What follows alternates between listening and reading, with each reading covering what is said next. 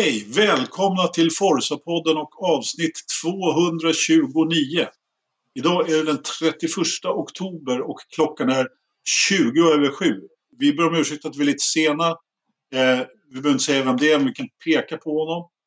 Så, eh, och sen så, idag så tänkte vi prata om alla möjliga saker faktiskt. Eh, fast kanske mest om eh, Mexiko, Mexico Citys GP. Jag höll på att säga Mexikos GP, men de har ju döpt om alla GPn i år till städerna och regionerna och allt vad det är. Eh, men vi har lite innan vi pratar loppet så ska vi prata om lite det som hände i, i veckan innan loppet. Så. Sen så ska vi prata ner det sömnigaste loppet på länge. Eh, och sen så ska vi prata om... Eh, vad ska vi prata mer om? Ja, vi hade lite övrig motorsport också. Eh, det ska vi också prata om. Och till vår hjälp, till min hjälp, så har jag i eh, vänstra ringhörnan, högra ringhörnan från er sätt, Ridderstolpe. Hur mår du? Ja, hej, hej! Jag trodde inte du pratade hej. om mig. Vad, vad trevligt. Hej! Ja, men jag mår bra. Hur mår du? Höger ringhörna. Ja, ja, du. Uppe till höger. Till... Ö övre högra ringhörnan. Öfre. Övre ringhörnan, precis. Ja. Ja. I nedre vänstra ringhörnan, eh, Patrik Knös, du har ny, nytt headset. Senast du var med så, så käkade dina kaniner av sladden, men du har lyckats få tag i ett nytt headset. Ja, jag fick ta det jag hittade på jobbet när jag var inkallad i sista minuten. Så vi löser det här. Ja, det, det var ju lite förargligt sist i USA när de bet av den. Det var, det var inte alls planerat. Nej, nej men precis. precis. Eh, och du och jag ska prata ytterökare sen på Övrig Motorsport, eller hur? Det blir spännande. Jajamän, ytterökarnas ytterökare. Och sist och minst, höll jag på att säga, nere i högra ringhörnan. Kristoffer, hur mår du? Hola, ¿cómo estás? Liam gracias. Någonting sånt. Vi pratar spanska idag, tänkte oh. jag. Ah, okay. muy, muy, muy bien. Muy bien. Jag, te- ah. jag, jag kan bara prata skojspanska. Det tänker jag inte göra i sändning. 08 får det vara faktiskt. Och jag kan bara svära så det blir heller inget bra.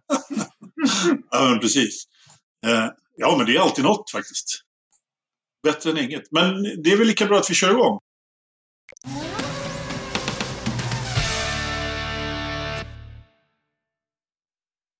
det kickade ju loss veckan innan här med, eh, med, med böter för Red Bull. Det var ju tanken var ju att det skulle komma, komma lite tidigare, men eh, det drog ut på tiden då när Didi eh, gick bort här, eh, lite tragiskt, i cancer. Då, eh, har vi fått reda på. Men till slut så kom beslutet i alla fall och eh, 7 miljoner dollar i böter och 10 procents mindre vindtunneltid. Eh, vi kan väl gå laget runt och se vad vi har att säga om. Eh, Ridderstolpe först då. Eh, jag tycker det var lite mjäkigt. Pengaböter är, är aldrig...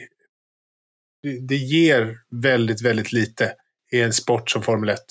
Det är alldeles för enkelt och billigt att, betala, bara betala sig fri. Men 10% vindtunneltid då? 10% vindtunneltid om vi bara ska ta det så är det ju också ett väldigt billigt sätt att, att eh, liksom göra, begå misstag på, på kostcap. Det finns andra alternativ som också skulle kännas bättre på längre sikt också. Kristoffer, eh, vad säger du då? Ja, jag säger väl mycket, men eh, som Ridderstolpe säger, 20 miljoner är inte så mycket i denna penningstarka sport.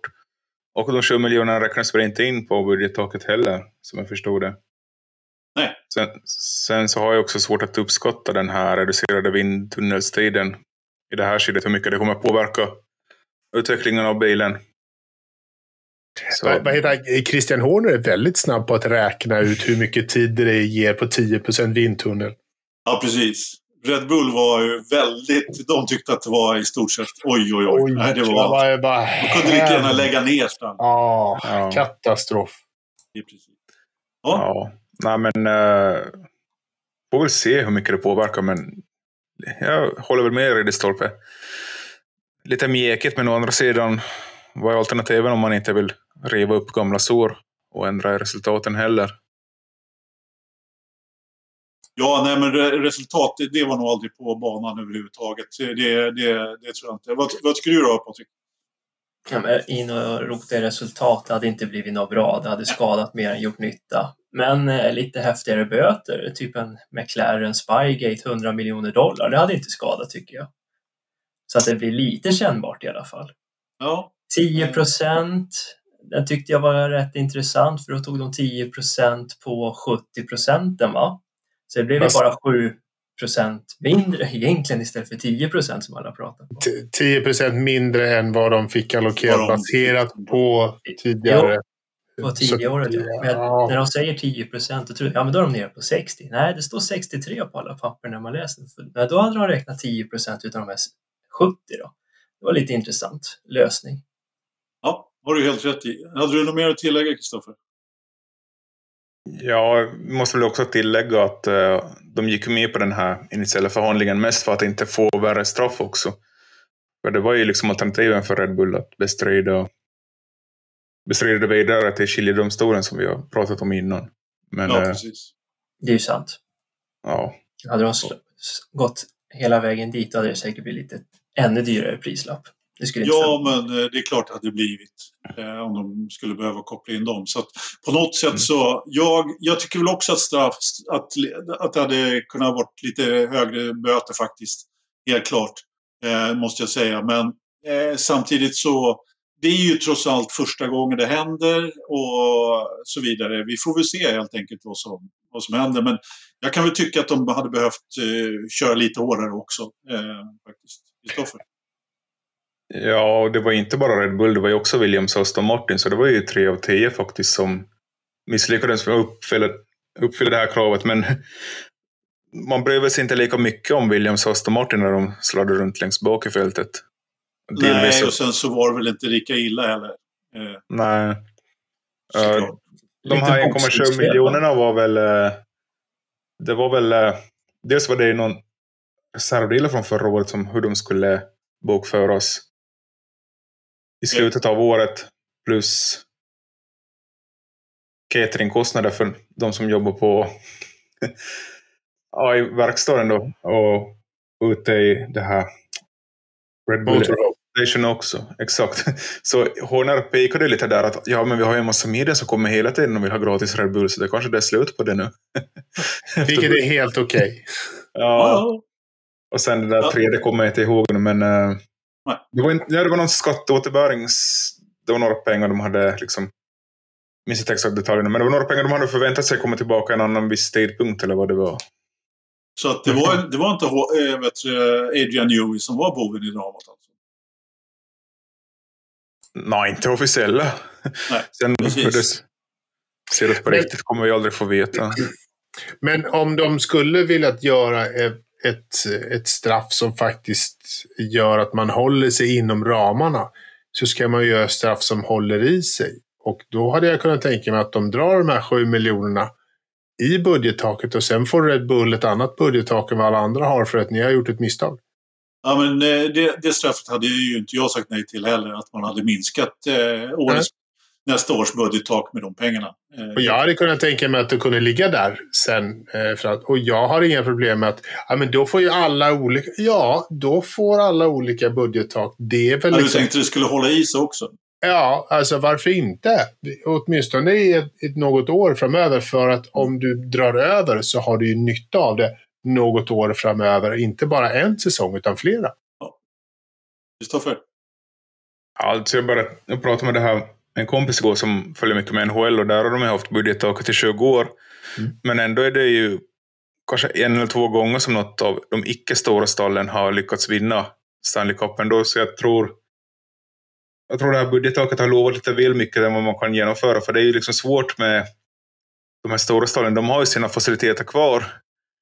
Fast eh, jämfört med ett, ett stall som måste utveckla sina faciliteter och sådär under ett budgettak. Det blir liksom svårt att alltid få det jämställt på något sätt. Jo, men det är det som vi har sagt. Eh, alltså, som vissa inte höll med om här i podden, att det är ett väldigt komplext system. Jag menar, det, i och med att det är byggnader och vindtunnlar och fan hans moster. Eh, jag menar, det är ett NHL-lag liksom. Ja, visst. Eh, Du har, du har en klubba och en puck och lite... ja, exakt. och benspelare. lugn, lugn, lugn och fin här. Det, är så här, det, det, det rikaste NHL-laget är Toronto Maple Leafs. De har sjukt mycket pengar. När, jo, vann, jo. De, när vann de Stanley Cup? Ja, jo, men det är ju, typ det är för att de har sålt en och annan tröja och lite sådär. Men jag menar, ja. det är inte så att arenan ingår och liksom, man måste inte äga liksom ismaskinen. Det, det här är ju, äger man ju spelarna och det är lönen, det är den som kostar. Det är ju därför man håller ner i, i NHL. I Formel 1 så är det ju, undantar man ju till och med löner. Mm. Här är det ju själva utvecklingskostnaderna som är helt mm. annorlunda, vilket gör det till ett komplext system. Jag tror Olof Laneryd frågar här i chatten om Red Bull säljer sitt stall till Red Bull 2, alltså Alfa Tauri då, följer straffet med då? Och det är naturligtvis en bra fråga. Eh, får nog chansa lite grann och gissa där, men jag skulle nog gissa att eh, straffet hänger nog med anmälan så att säga, som, som man har till Ja, men precis. Det, han, han, tänker nog inte sälja stallet till Alfa Tauri, utan han, han byter bara namn på, ja, på hela grejen och säljer in kromet till ett annat ja. och gör samma sak. Och det skulle jag nog säga att det är anmälan, precis, anmälan till, ja. till serien. Så att säga. Där, där hänger straffet med. Vad säger du, Kristoffer? Du hade nog mer att tillägga? Eller ska ja, vi gå du, vidare? Du bytte ämne där. Men äh, det, var, det var främst att, äh, som du säger där, att jag tänker de större stallen kan ju, kan ju på ett mer kostnadseffektivt sätt producera nya grejer ändå under budgettak än de mindre stallen. Det är ju det jo. som aldrig de kommer liksom... ska man göra budgettaket rätt så ska man slänga ut alla grejer och börja från noll för alla TO-stall. Och det kommer ju aldrig hända. Och det är väl också lite därför som de kanske har begränsat det på, till vissa, till motorutvecklingen och som inte är med och så vidare. Så att, ja. Till viss del kanske. Men eh, ja. ska vi eh, byta ämne helt och hållet då? Vi, vi lär nog få tillfälle att återkomma till eh, budgettaket. Det är ett budgettak i nästa år också så att, eh, vi får väl se vad Mercedes gör nu om de bara helt enkelt sonika tänker att ja men eh, vad fasken eh, de här eh, pengarna har vi råd att betala och den här minskade vindtunneltiden kan vi ju ta. Så de kör stenhårt på det kanske. Eller inte. Eh, vet du vart eh, bötespengarna går, Kristoffer? Är det någon fond eller? För, för avdankade F1-förare? Förhoppningsvis är det så att de här FIA-domarna ska få lön. Så det är väl de vi ska prata om till nästa. För de jobbar ju obetalt fortfarande. Ja, okej. Okay. Ja, så kan ah, det Det förklarar saken. Hedersuppdrag. Ja, ja, det förklarar en del då om de inte får pitt. Ja, ja. Eh, apropå F-domare då så fick ju Alonso tillbaka sin sjunde plats ifrån USAs GP. Eh, som eh, efter en heroisk körning när han tappade delar från bilen, backspeglar och vad som flög iväg. Och det där gillar ju inte eh, Haas alls så de gjorde en, frågade tänkte att de skulle protestera mot det här. Det var bara det att de protesterade för sent. Vilket de naturligtvis borde ha koll på eftersom det är 30 minuter efter eh, loppet avslutat som man ska lämna in en protest. De hade frågat eh, Nisse helt enkelt, eh, Wittisch, täv, liksom, vad heter han? tävlingsledaren. Och han säger att det var en timme. Ja, precis. Racetractor. Tack. Och han säger att det är en timme och de går på det. Och det känns ju lite sådär, alltså jag tyckte nog att den där protesten var helt korrekt. inget ont. Alonso skulle ju naturligtvis ha det där, men ah, det där var inte riktigt bra gjort från Hans sida. Vad, vad säger du, Knös? Jag tycker slarvigt åt alla håll. Om man nu ska få ett muntligt avtal, ja, då får man nog ha lite på papper så att de har något att styrka. Att han sa faktiskt en timme till oss. Ja. Nej, slarvigt gjort av alla led ty tycker jag. Ja, det kan man nog lugnt säga, eh, definitivt. Alonso fick i alla fall tillbaka sina poäng och eh, platsen där. Kristoffer, har du något att tillägga? Ja, det var väl mest det här att eh, jag förstår ju att Haas ville protestera också, för de har ju blivit utsatta för det här mest av alla stall under säsongen. Så det var helt klart att de skulle protestera för det. Men eh, ja, de gjorde ju allt rätt enligt givna instruktioner. Sen är det ju Restorektors fel då. Men det blir lite konstigt också att straffet som Alonso fick var ju rätt då. Men, men det var inte liksom Ja, Nej, precis. Under ett Jag- förhållande straffet utdelades, det borde ha kommit inne i loppet egentligen, den här Ja, svartgula flaggen. Och, Just, just därför så är det ju väldigt surt, precis som du säger, för Haas. Jag menar att de protesterar, det är ju ingen som har någonting att säga. Att däremot, det är väldigt synd att Alonso blev av med, med platsen och poängen. Det var ju kul att han fick tillbaka dem, men hallå, liksom, eh, han skulle ha haft straffet under loppet, helt rätt. Så är det. Det, det, var ju Ja. så, och, det, och det är ju just därför att eh, bandomarna har ju gjort en ganska stor miss här när man inte har visat köttbulleflaggan för honom. ja. Och eh, när vi ändå pratar om den då, köttbulleflaggan alltså teknisk flagg då för eh, hängande delar på... Och jag menar, bakgrunden är ju då att Mick Schumacher, eh, eller vad säger jag, Kevin Magnusson har fått den här tekniska flaggen tre gånger. Vi sa väl två förra gången, men det var ju faktiskt tre gånger han har fått den i år. Eh, och eh, blivit inkallad i depån liksom. Och i princip förstört lopp.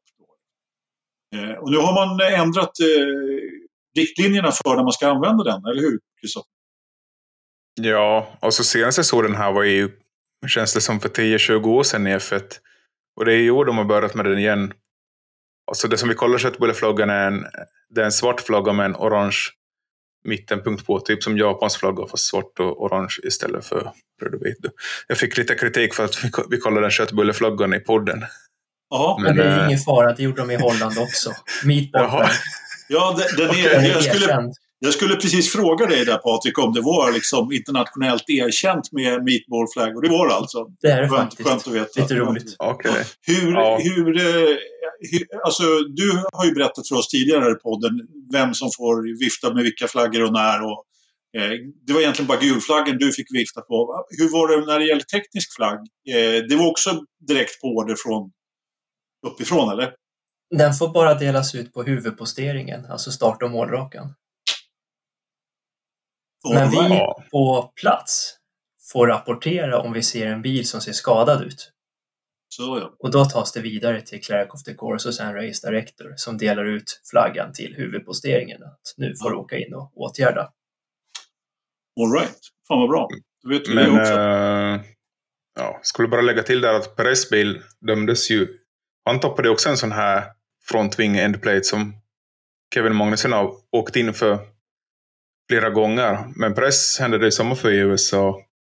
Och där fick han ingen köttbulleflagg han heller. Så det Och det Det protesterade väldigt också Haas emot. Nej, Ja. väldigt inkonsekvent. Och det protesterade Haas mot också och den protesten gick inte igenom. nej, för Perez bil liksom ansågs vara säker. Ja, men nu Och- vet vi ju varför det är inkonsekvent. De får ju inte betalt. Nej, precis. Nej, men liksom, och, menar, hur kan man, hur kan man liksom mäta att en, en endplate på en framvinge ser ut att ramla av, men inte en annan? Och jag menar, bara det är ju fullkomlig idioti liksom. Och det här som Jakob brukar prata om, att liksom, hur, ska, hur ska fansen, de som tittar på Formel, Formel 1, förstå det? Liksom? Vad, vad är skillnaden? De kan ju liksom inte ta det för en, en gång. Det är ju som, vi har ju dragit hockeyjämförelsen här liksom. Det är ju om man liksom dömer har liksom olika riktlinjer för olika saker. Det ena är tripping och det andra är inte. Liksom. Eh, Jag menar, ja, det var en dålig jämförelse. Eh, Ja, det var det. det, Ja. det Men men det bättre- antingen så är man hård eller så är man slapp i reglerna. ja, en men annan- precis. En annan jämförelse med, med den här vita linjen som skulle gälla hela året, men det gäller inte för alla. I Nej. Eh, Du tänkte på, track limits. track limits. ja. Track limits, ja. Ja. Ja, men en där är det ju också så att jag menar, de här track limits har ju också, det, det är ju, eh, rätt om jag, om jag har fel nu Patrik, men det är ju också från bana till bana lite grann. Och liksom den här vita linjen med utfarten från depån, det brukar man ta på förarmötet. Och sen på vissa banor så har man det lite friare och vissa på andra. Visst är det så Patrik? Jo, men precis. Det går de igenom ban specifikt hur det är på den banan. Men jag kan ju ta från hur det var på Holland. Där har de ju fräst i asfalten eh, elektroder vart linjen går. Och då indikerar ju upp till datorer att det har hänt någonting. Ja, och varför använder man inte det? Det pratade vi också om här i tidigare podden. Liksom. Eh, Hinchcliffe drar... bara anmärker. Det straffar Ja. inte, det bara anmärker. Ja, Så blir det väl en bedömning på det sen. Ja, men alltså det, det här är ju... det här är så märkligt att, att man inte använder sig av, av en sån sak när, det, när vi har en bil med, med 2000 sensorer. Och det här ja. är ju så svartvitt så det finns inte. Ja, men det är ju fullkomligt idiotiskt. Det, det, det kanske finns någon bra förklaring som inte vi har, men eh, väldigt märkligt. Vi behöver inte fastna i den diskussionen. Vi har ett lopp att prata om sen också. Men eh, i vilket fall som helst så får Alonso tillbaka sin sjunde plats. Haas får ingenting, eller jag säga. får inte igenom sin, eh, sin eh, protest i vilket fall som helst. Och, eh, vi kan väl bara nämna där att eh, det blev efter mycket om och men klart eh, också innan helgen här att Audi köper delar utav Sauber som man presenterade på en presskonferens och eh, kliver in 2026 var det väl, Kristoffer? Ja, exakt. Jag försökte sätta rubriken på det här, men uh, de ingår alltså en allians med Sauber. Där Sauberstallet kommer bli strategisk partner för 2026-programmet. Och det här var ju något vi har rapporterat om ganska länge. Både vi och alla andra. Men uh, ja, Strategisk partner, köper de inte Sauber? Alltså, köper jo. de inte stallet? Jo. Och, då, och de... vad är då strategisk partner? Så här?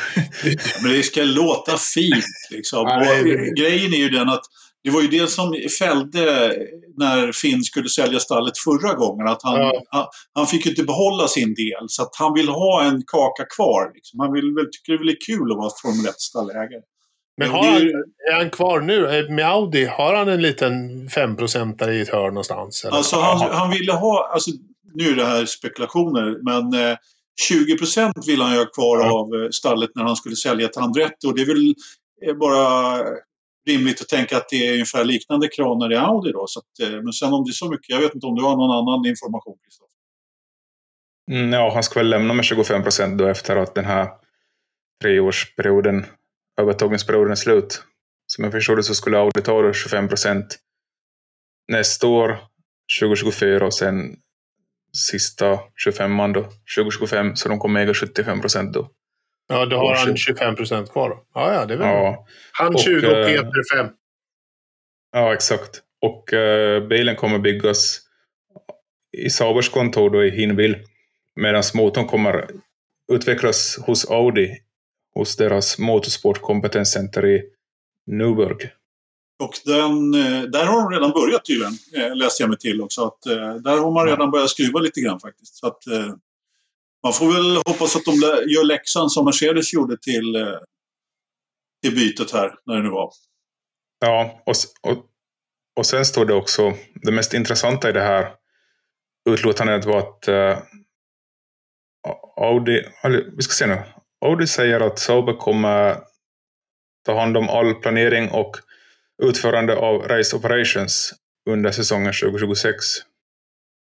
Jo, men det man säger egentligen i det där, om man, ska, om man ska tolka det lite grann, så är det helt enkelt att Sauber kommer att sköta Formel 1-stallet.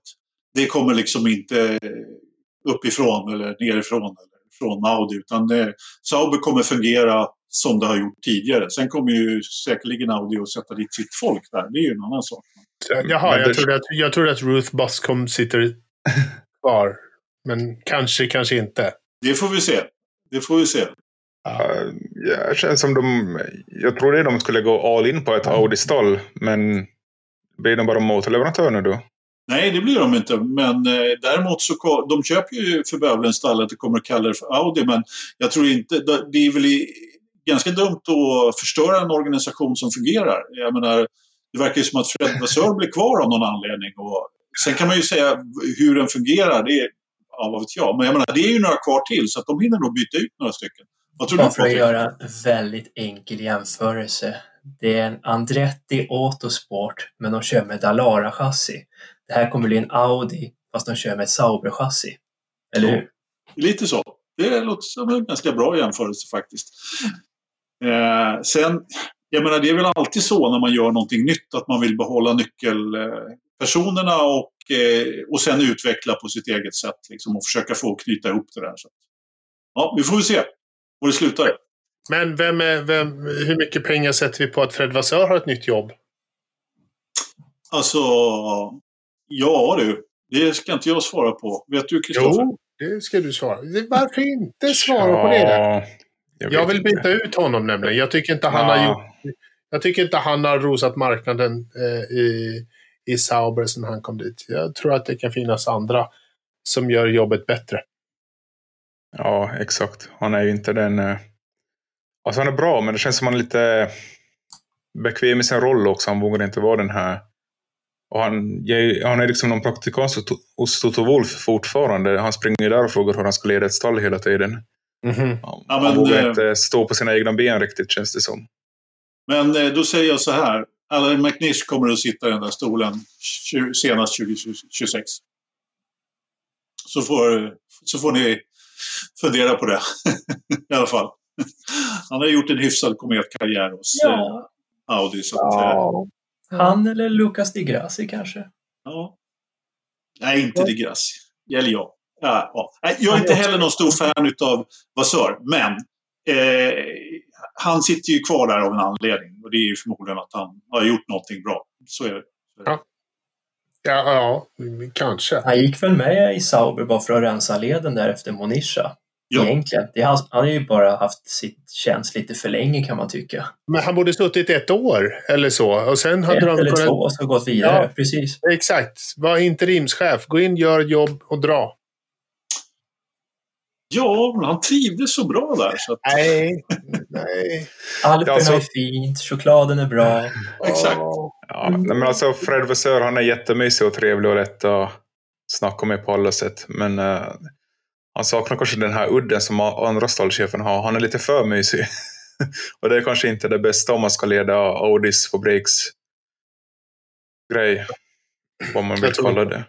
Ja, Nej, men det kan ju vara så. Vissa personer kan ju vara lite sådär och, och sen vara rätt hårda inåt. Men eh, vi får väl se. Eh, vad, hände, vad hände med Sauber egentligen 24 och 25? Om Audi det... kommer 26 och Alfa hoppar efter 23? Ja du. Blir det en eh, Sauber-Ferrari då eller? Ja, Ferrari-motorerna ska vara kvar. Mm. Eh, det har man de, de har man, eh, de har man kvar kontraktet på och Audi från och med 2026. De kommer nog bara heta Sauber i två år. Det är mm. väl det enklaste. Ja, antagligen. Rimligt. Ja. Jag menar, det blir ju ett pengatillskott där också så att man kommer ju säkert att bygga den här verksamheten. Ja, alltså, alltså, Al Alfa Tauri har ju mest varit ett klistermärke. Mer än, eh, mer än så mycket annat. Så att... Alfa Romeo kanske du menar? Förlåt, jag sa fel. Jag hörde det själv också. Bara så det där var inte rätt. Romeo. Ja. Alfa ja. Romeo. Men jag tycker ja. det här är bra ur ett finskt perspektiv. Det sätter ju Valtteri Bottas i pole position att bli en ny fabriksförare för en tysk biltillverkare. Det gör det ju aldrig i och för sig. Men eh, låt oss eh, inte klanka ner på Bottas mer än nödvändigt att han bara kommer att ha. Han kommer inte att köra 2026. Det är många år kvar. Nej, jag, han, han, han, ska, ska, han ska skriva ett femårskontrakt här så det är liksom... Varför kan inte Bottas vara kvar fem år till som är mer än fem år yngre? Nej. Han, eh, han skulle nog göra sig bra någon annanstans, eller på säga. På cykel. På en cykel. Med, med sin flickvän. Ja. Detta avsnitt sponsras av West Coast Motorsport.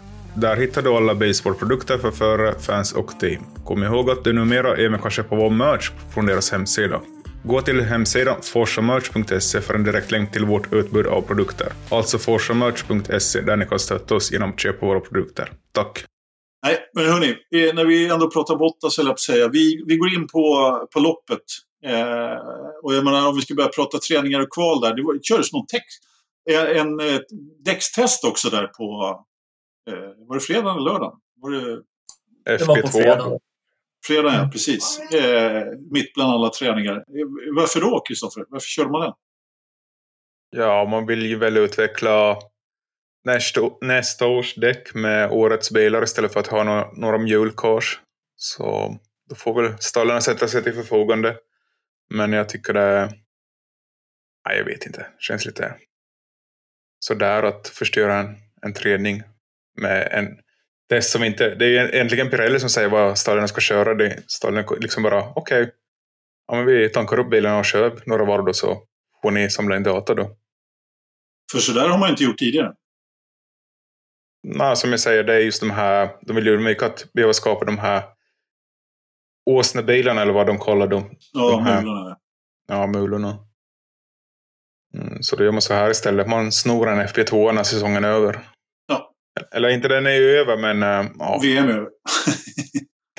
Nej, det pågår fortfarande bland alla stall förutom första platsen då. Förutom men, Red Bull, ja precis. Mm. Uh, ja, nej men uh, i vilket fall som helst. Vi behöver inte orda mer om det egentligen, annat än att kvalet blev ju kanske en... Uh, vad ska man säga om det?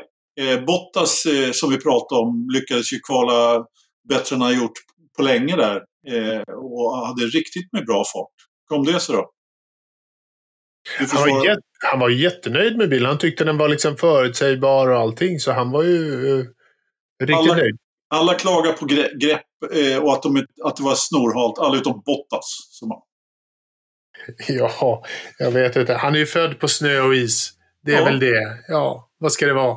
Kanske så. Kanske så. Ja. Vad säger du, Kristoffer? Nej, de har väl ett ganska bra paket nu sen i Suzuka. När de kommer med sista uppdateringen. Men de har väl inte fått briljera med det på samma sätt som nu. Men eh, jag var också lite förvånad att de fick det att fungera så bra faktiskt. Och det var ju faktiskt bara på en bil som de fick det att funka bra. Ja, Nosso var väl inte helt sämst heller. Jag minns inte vad han kvalade nu. Han kom i alla fall till Q2. 12 ja, exakt. Mm. Det är bara hälften så bra. Ja. Eller dubbelt så dåligt. Mm. Ja, men tidsmässigt var väl inte gapet så stort. Och det roliga var väl att Bottas kollade ut Leclerc till och med. Nu tror jag Leclerc ja. gjorde något misstag där, men ändå att han hade pace att ligga mellan två Ferraris var väl inte fyskom. Ja, men det var ju faktiskt stora, stora liksom förvåningen eller stora chocken där att han eh, kvalade mellan Ferrari-bilarna. Leclerc gick väl som var, de hade en kurva Ferrari där, där de, där de gick på eh, jag vet inte hur många gånger som de höll på att köra av i den kurvan. Eh, och där bilen liksom red på kurbsen på något sätt där. Jag såg inga andra bilar som hade de problemen. Det verkar bara vara Ferrari. Alpinen gick som en stridsvagn i den svängen varje gång. Ja, men precis. Exakt. Så jäkla märkligt alltså. Ja, så är det. Eh, det, var, det var, de, de höjde väl eh, piggarna på kurbsen där när Ferrarin kom varje gång. Jag vet inte vad de gjorde för någonting. För att, men eh, vi hade i alla fall ett kval med, eh, som var hyfsat spännande ändå. Eh, så lite blandat och Mercedes fick, hade helt plötsligt lite, lite bra sprutt på grejerna efter sina uppdateringar här. Och, och Russell eh, kvalade tvåa, eh, och, eh, men han lyckades... Han var väldigt förbannad efter sitt kvalvarv eftersom han inte kunde... För han trodde han kunde slå Verstappen, men de sa till honom på radio att nej, det hade nog inte räckt ändå. Men Russell, Russell, Russell eh, håller ju... Alltså, jag börjar tröttna lite på Russell. Grabben har ju aldrig fel. Han har ju aldrig fel. Liksom. Han bara, ja men jag hade tagit pole bara jag hade fått... Nej, alltså så här. Datan sa att du skulle nog inte... Jag hade tagit på... Han fortsätter liksom en hel vecka efteråt och så här, ah, I'm gutted. I would have been known Paul. I'm totally gutted. Man bara, ja men skärp dig. Du skulle inte fixat det där. Hur jäkla bra hade tagit de tre sista kurvorna ändå. Du hade inte fixat det. Du var efter. Fast han hade ju rätt sen på lördagen i och för sig. Då. Men, eh, eller söndag med det. Eh, men det kommer vi till. Kristoffer? Eh, mm. Jag trodde också Russell skulle ta Paul och det här var ju Mercedes chans att vinna i i år, kände jag, tillsammans med Singapore. Ja, ja men precis. Ja, men vi kan väl eh, ramla in på loppet lite grann där. För att det såg ju onekligen ut som att Mercedes hade chansen. Vi hade två, två Red Bullare, eh, etta och... Eh, vad blev det då? Eh, etta, trea och Mercedes tvåa, fyra och sen så två Ferrari-bilar med en, eh, med en eh, med en Alfa Romeo emellan sig, Bottas då, och sen alpinbilarna som, som ramlade iväg i starten där. Och eh, ja, Russell då på andra plats fick ju en bra start och det är ganska långt, lång slipstream där ner till första kurvan så att han gick ut på utsidan av Verstappen men hade ju inte kunde ju få, Verstappen fick ju så pass bra start så att eh, Russell kunde ju inte riktigt komma om. Vilket, eh, och sen så var han ju väldigt försiktig när eh, då eh, Lewis kom upp i, i aserna där och eh, han gick väl utanför banan lite grann, Russell, så, och tappade även eh, Perez där i,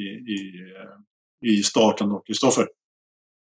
Nej, jag tyckte väl eh, Russell var lite mjäkig och han sa väl det själv, jag läste idag en kommentar, att han, han var lite förkärrad efter krocken med Sainz där, att han var lite för försiktig och därför tappade han två platser i, mm. i första kurvan. Och jag vet inte, det är det här nu har ju någon i den här podden fått för sig att jag inte gillar Russell. Jag, jag tycker han är bra, men inte så bra som många andra vill att han ska tro. Men är han nu så här när vi har kört 20 lopp in i säsongen, är han mycket bättre än den han är satt det. Jag tycker, sådana här såg vi också ofta från Bottas. Men Bottas blir ju slaktad, men när Russell gör samma sak så är det mer så här, ja, ja, men det är Russell, det är fine. Brittisk press. De tar ju hand om sina F1-förare. Nej, jag tror att Kristoffer pratar om oss. Men... Eh, jag är, ja, precis. Ja, han pratar inte brittiskt. Men jag vet inte. Eh, han, ja, han kanske var lite mjäkig i första kurvan, men han hade ju, nog, han hade ju ärligt talat ingen större chans. Eh, där. Han Nej. låg ju fel. Nej, liksom. men så här. Eh, alltså det syntes lång väg hur försiktig han var, Russell, och att han var lite... Han ville inte peta bort någon. Han ville framförallt inte peta bort eh, Lewis eh, liksom från, från det där. Då hade han fått intern kritik. Jag, jag, som svar bara på din... Vi behöver inte diskutera Bottas vs Russell, Wingman vs eh, Wingman. Men vi kan ju, jag, jag, jag konstaterar bara att så här långt in i säsongen så var Bottas för det mesta avhängd när han körde tillsammans med Lewis. Eh, i, så ja. är det inte riktigt i VM-tabellen den här säsongen när Russell är med. Det, det är mitt svar på den frågan, om vem som eh, är bäst på sidan om. Så. Ja, sen hem. Ja, förlåt. Russell vågar ju peta in nosen. Det gjorde ju aldrig Bottas. Nej, precis. Vi kan, vi kan gå till Bottas då och hans lopp. Alltså, för han, precis som du säger, han petar ju inte in nosen någonstans. Han följer till början så föll han ju eh, ett par platser i starten där. Det är väl egentligen inte jättemycket att säga om. Det, det, så, så kan ju hända. Liksom. Han är ju, men han är ju ingen startraket direkt, eh, vår vän. Men det gäller ju att ta sig igenom också. Men sen, sen faller han lite mer och jag menar, hans fighter där i mitten på loppet med alpinbilarna var ju inte... Alltså den... Jag vet inte. Han, jag tyckte i alla fall att han vek ner sig lite där. Eh, vad säger någon annan? Vem vill ta ordet? Man kommer ju som en raket ut efter DRSen. Lägger sig ut. Han, bara han bromsar lite senare så kommer han ju ta det. Men då viker han in och bara nej, nej, jag tar det lite chill här. Jag spar på däcken och tänker long runs istället. Men det har han gjort i hela sin karriär egentligen. Ja, ja han är verkligen inte aggressiv. Vad säger du, Kristoffer? Har du något att säga? Till mitt försvar eller åsikt? Nej, eller? inte alls till ditt försvar. Hur du ser på, på Bottas insats. Och att han, vi, vi, jag tycker att han var lite vek, att han vek ner sig lite grann. Men eh, du kanske har en annan syn på saken? Ja, det var ju många som försökte med... Hela det här loppet handlade ju om däckstrategier kändes det som. Och där var väl Bottasen som inte gick helt rätt med strategierna. Jag vet inte vad ni tyckte, men... Uh... Man kunde, man kunde gjort saker lite annorlunda, helt klart. Mm. Jo, äh, men eh, däckstrategierna åt sidan så, så, så tyckte jag i alla fall att, att det var lite vekt. Men, men vi pratade lite däck, för det var ju precis det som vi alla pratade om. Eh, här inledningsvis då så gick ju Mercedes på, på medium och eh, Red Bullarna på soft. Eh, och eh, Ferrari-bilarna hade också soft i alla fall. Det var väl egentligen bara Mercedes i... Ja, Motta startade också medium. Eh, gjorde han. Eh, och det var väl egentligen... Alltså vi satt ju bara och väntade på att någonting skulle hända för det hände ju egentligen ingenting i det här loppet eh, inledningsvis. Utan det var väl lite fighter lite längre ner. i Botta som kubbades lite grann där och Stroll körde upp sig bra i starten men eh, ja. Och sen så var det Gasly då som var ute och vinglade när han skulle köra om Stroll. Nej, inte Gasly som eh, vinglade utan Stroll körde först på Gasly. Ja, och sen när eh, Gasly väl tog sig om Stroll, eller när han skulle ta sig om Stroll, så lyckades han väl låsa hjulen lite grann och trycka ut Stroll. Så då fick han en fem sekunder för det. Och dessutom två straffpoäng, eller om det var en, jag kommer inte ihåg. Eh, och eh, för, för, att han inte släppte tillbaka Stroll. Då. Det var ju kanske särdeles dumt gjort, men jag förstår Gasly på något sätt, för han var så sur på Stroll överhuvudtaget. Det, nu hörde inte jag trafiken där, men eh, jag vet inte. Var det någon av er som har någon mer? Men grejen är väl det, det, det han, han fick han fick liksom böter, höll jag på att säga, liksom ett straff helt rätt. Eh, för att man har tajtat till reglerna där. Att om du trycker ut, om du bromsar så sent så att du trycker ut någon annan. Eh, låsta hjul. Du har inte kontroll ja. på bilen. Ja, men precis. Om du gör det och du trycker ut någon annan i, i kurvan, då ska det medföra ett straff nu för tiden. Eh, om du inte släpper tillbaks bilen liksom omedelbart. Liksom, eh, så att du släpper tillbaka Stroll i det här fallet så att han kör om dig. Så att han får tillbaka sin plats. Det gjorde inte Gasly. Eh, man väntade och väntade och efter en stund så hade det gått två varv innan de hade kunnat komma fram till någon form av bestraffning på, på Gasly. Och då var det ju liksom för sent, för, för då hade ju eh, Stroll fått någon kamrat bakom sig. Eh, så att om, om Gasly skulle släppa om så hade han ju fått släppa om två bilar. För det var i princip omöjligt att släppa om bara, bara en. Ja, fast det, det, det, det syntes ju från början att han inte skulle släppa förbi Stroll. Han, han, han Nej, jag, tar, jag tar det här straffet om det blir något. Vi chansar. Det var liksom eh, för att och det var så onödigt. Eh, liksom, bara för du kunde släppa om den och så tar du omkörningen strax därefter. Det, det har alltså, ju hänt massor av gånger. Det är inget ovanligt. Ja. Liksom. Det jag tänkte på var ju direkt hans eh, poäng. Eftersom han hade fått poäng tävlingen innan på licensen.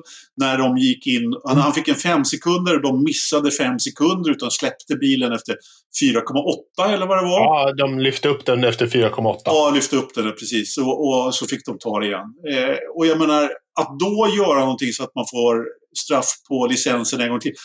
De hade fått, fått svälja det där suräpplet Stroll och, och lämna tillbaka den där och så hade det varit lugnt. Vad säger ja. du Knös? Har du någon take på det där? Ja, väl hans femte straffpoäng på tre lopp nu. Mm. Så han behöver ju bara två till så är han ju avstängd. Ja, ja, det, ja men precis. Och bara sätta sig i den situationen. Mm. Men det är ändå två lopp kvar så han har alla möjligheter i världen att ställas till oreda för sig själv. Ja. Nej, jag vet inte. Nej, han kändes lite all over the place. Han är stressad. Han känns stressad inombords. Jag vet inte vad ja, han försöker leverera.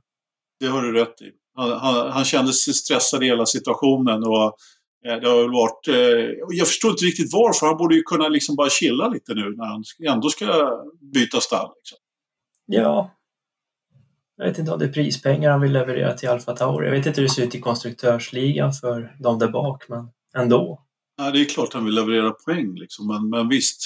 Ja, och sen så det enda som hände egentligen där i mitten av loppet, förutom att det var eh, en och annan depåstopp och, och eh, det var många som, eh, som böt till, eh, böt till hårda, eller Mercedes gick in och böt till hårda och Red Bullarna hade redan varit inne och bytt till till medium där, eh, så eh, fick ju Ricardo sin, sin återkomst kan vi väl säga. Han, eh, när han, han gjorde väl det som egentligen Mercedes skulle ha gjort, eller som, som Russell höjt om på radion där.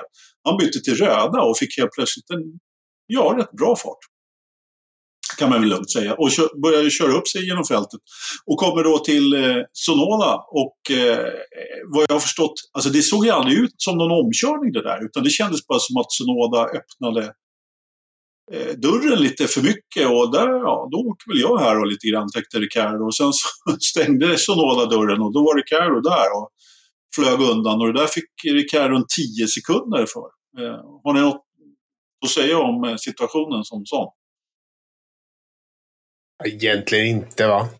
In, inte mycket. Tio sekunder var väl lite ovanligt. Jag är så van vid att de kör fem sekunder hit och dit så jag blev så här, tio? Eh, okej. Okay. Ja, alltså, han fick ju ja. trots allt bryta Tsunoda och det var en ganska ja. ordentlig krasch. Inte krasch, men, men visst. Eh, alltså jag tyckte att det var lite hårt faktiskt, eh, helt klart. Eh, men, ja. men, men han, han, han hade ju skuld i Ja, och det, och, det, och det tror jag, ja, jag tror inte han, eh, han skulle, han sa nog ingenting om det, eller så här, motsatte sig ett, ett bestraffning. Men, eh, men man älskar ju lite grann resultatet av, av straffet. Varför äntligen får vi se våran Honey Badger liksom köra bil igen. Åh, vad jag har, vad jag har saknat det. Alltså, eh, man har ju bara hatat de här loppen när han har harvat runt på 18 plats med en jävla has som han inte kommer om. Och, och liksom fightats med Latifi eller Albon. Det har inte riktigt varit värdigt. I det här loppet, äntligen, Gud vad skönt det var. Jag satt ju och njöt av honom. Och jag tror, alltså vi, jag skickade ju den här i, i, chatten i våran, så skickade jag ESPN eh, tror jag det var, som hade när han körde om Gasly. Han, på start och målrakan gör han det här bara fingret, eh, pistolfingret bara psh, och så bara han ut och så kör han om dem. Och man bara ah, det är liksom vilken känsla han har i kroppen. Man, man bara, det lyser ju om hjälmen liksom. Det är ja. magiskt. Ja, verkligen. Ja, det var riktigt bra. Mm. Hoppas det håller resten av, av så att han, han, han rider på den här vågen i ett par lopp nu. För han är alltså, där uppen, jag ska inte bara säga att allt var rätt däcksval, men de hade ju rätt däck vid rätt tillfälle. Ja. Så, är, så är det bara. Men alla andra halkade omkring på hårda där. Och, jag menar, det var ju bara fullkomligt... Eh... Alltså, kan någon förklara hur, hur, hur de kom på idén att slänga på hårda? Ja, jag, jag, jag, jag, kan i och för sig göra det. Men ja. jag tänkte du, Kristoffer, skulle få komma in här lite grann. Eh, för du var helt hundra på att eh, Red Bullarna skulle in, att de som hade satt på röda skulle behöva Nej, han var, han, var helt, han var helt hundra på att, att Lewis Hamilton hade tagit en vinst där. Ja, jag säger det. Och, ja. och att Red Bullarna skulle in. Va, va, eh, blev du förvånad sen, när de inte gjorde det, Kristoffer? Ja, förvånad vet jag väl inte, men eh, kanske snarare imponerad att de lyckas dra ut mediumstinten så långt minns inte exakt antal var. Men eh, vad var det, 45 varv? Så det var ju liksom på, på sniskan till eh, vad Pirelli hade sagt. Men det, det var ju ändå alternativet de fick då när de såg att eh, Mercedes gick till hårda. Men eh, ja, sen visade det, visade det sig att Verstappen på slutet lyckades till och med bygga upp en lycka till Hamilton på hårda. Men de höll ju ganska jämna steg där i början. Där låg han ju liksom en till två sekunder bakom. Och det var väl i det skedet jag trodde att Mercedes hade det. Och de sa ju själva till sina förare att vi kan vinna det här. Så ja, lite synd att eh, däckskillnaderna däcksskillnaderna inte är så stora egentligen. Men eh, det, var, det, har varit lik, liknande tidigare i Mexiko också. Jag menar, förra året så körde man ju nästan lika långt på medium. Så att någonstans så, alltså jag var, jag var 100% säker att, att eh, Red Bull inte kommer gå in och jag tror inte det var, låg i planen här. Det är klart, man har ju alltid scenarion men eh, alltså kommer de tillräckligt långt på de röda så kommer de medium hålla i mål. Och jag är extremt förvånad över att man inte lät till exempel Russell gå in då och byta till röda när han tjatade om det på radion. Liksom. Men de var, de var så säkra på att eh, eh medium skulle gå av och att han skulle ta eh, ta den där pallplatsen ändå. Men eh, de fick faktiskt fel i Mercedes. Vad säger du Patrik? Har du någon åsikt i frågan? Nej, egentligen inte.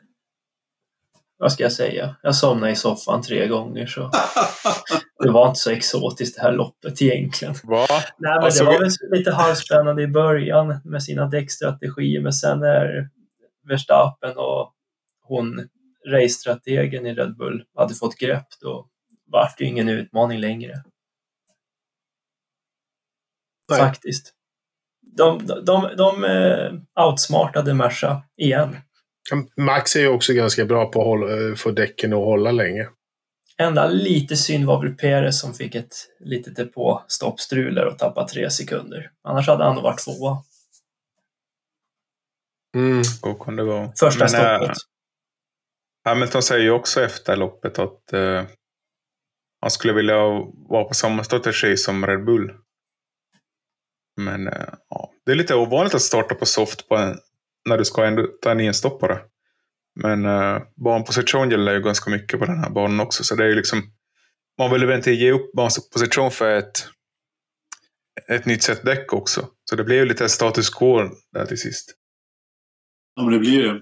Det blir det. Och just att det slits så lite då. Så ja, det är som du säger. Och, ja, men det förvånar mig att, eh, att man gick på att man gick på hårda ändå. Eh, så, eh, I och med att man hade kört så pass lite på dem och de, alla var ganska förvånade. Men det var, det var, inte, bara, det var inte bara Mercedes som, som gick på hårda. Men samtidigt, de var ju tvungna att göra någonting för att de hade inte farten över Red Bull ändå. Riktigt.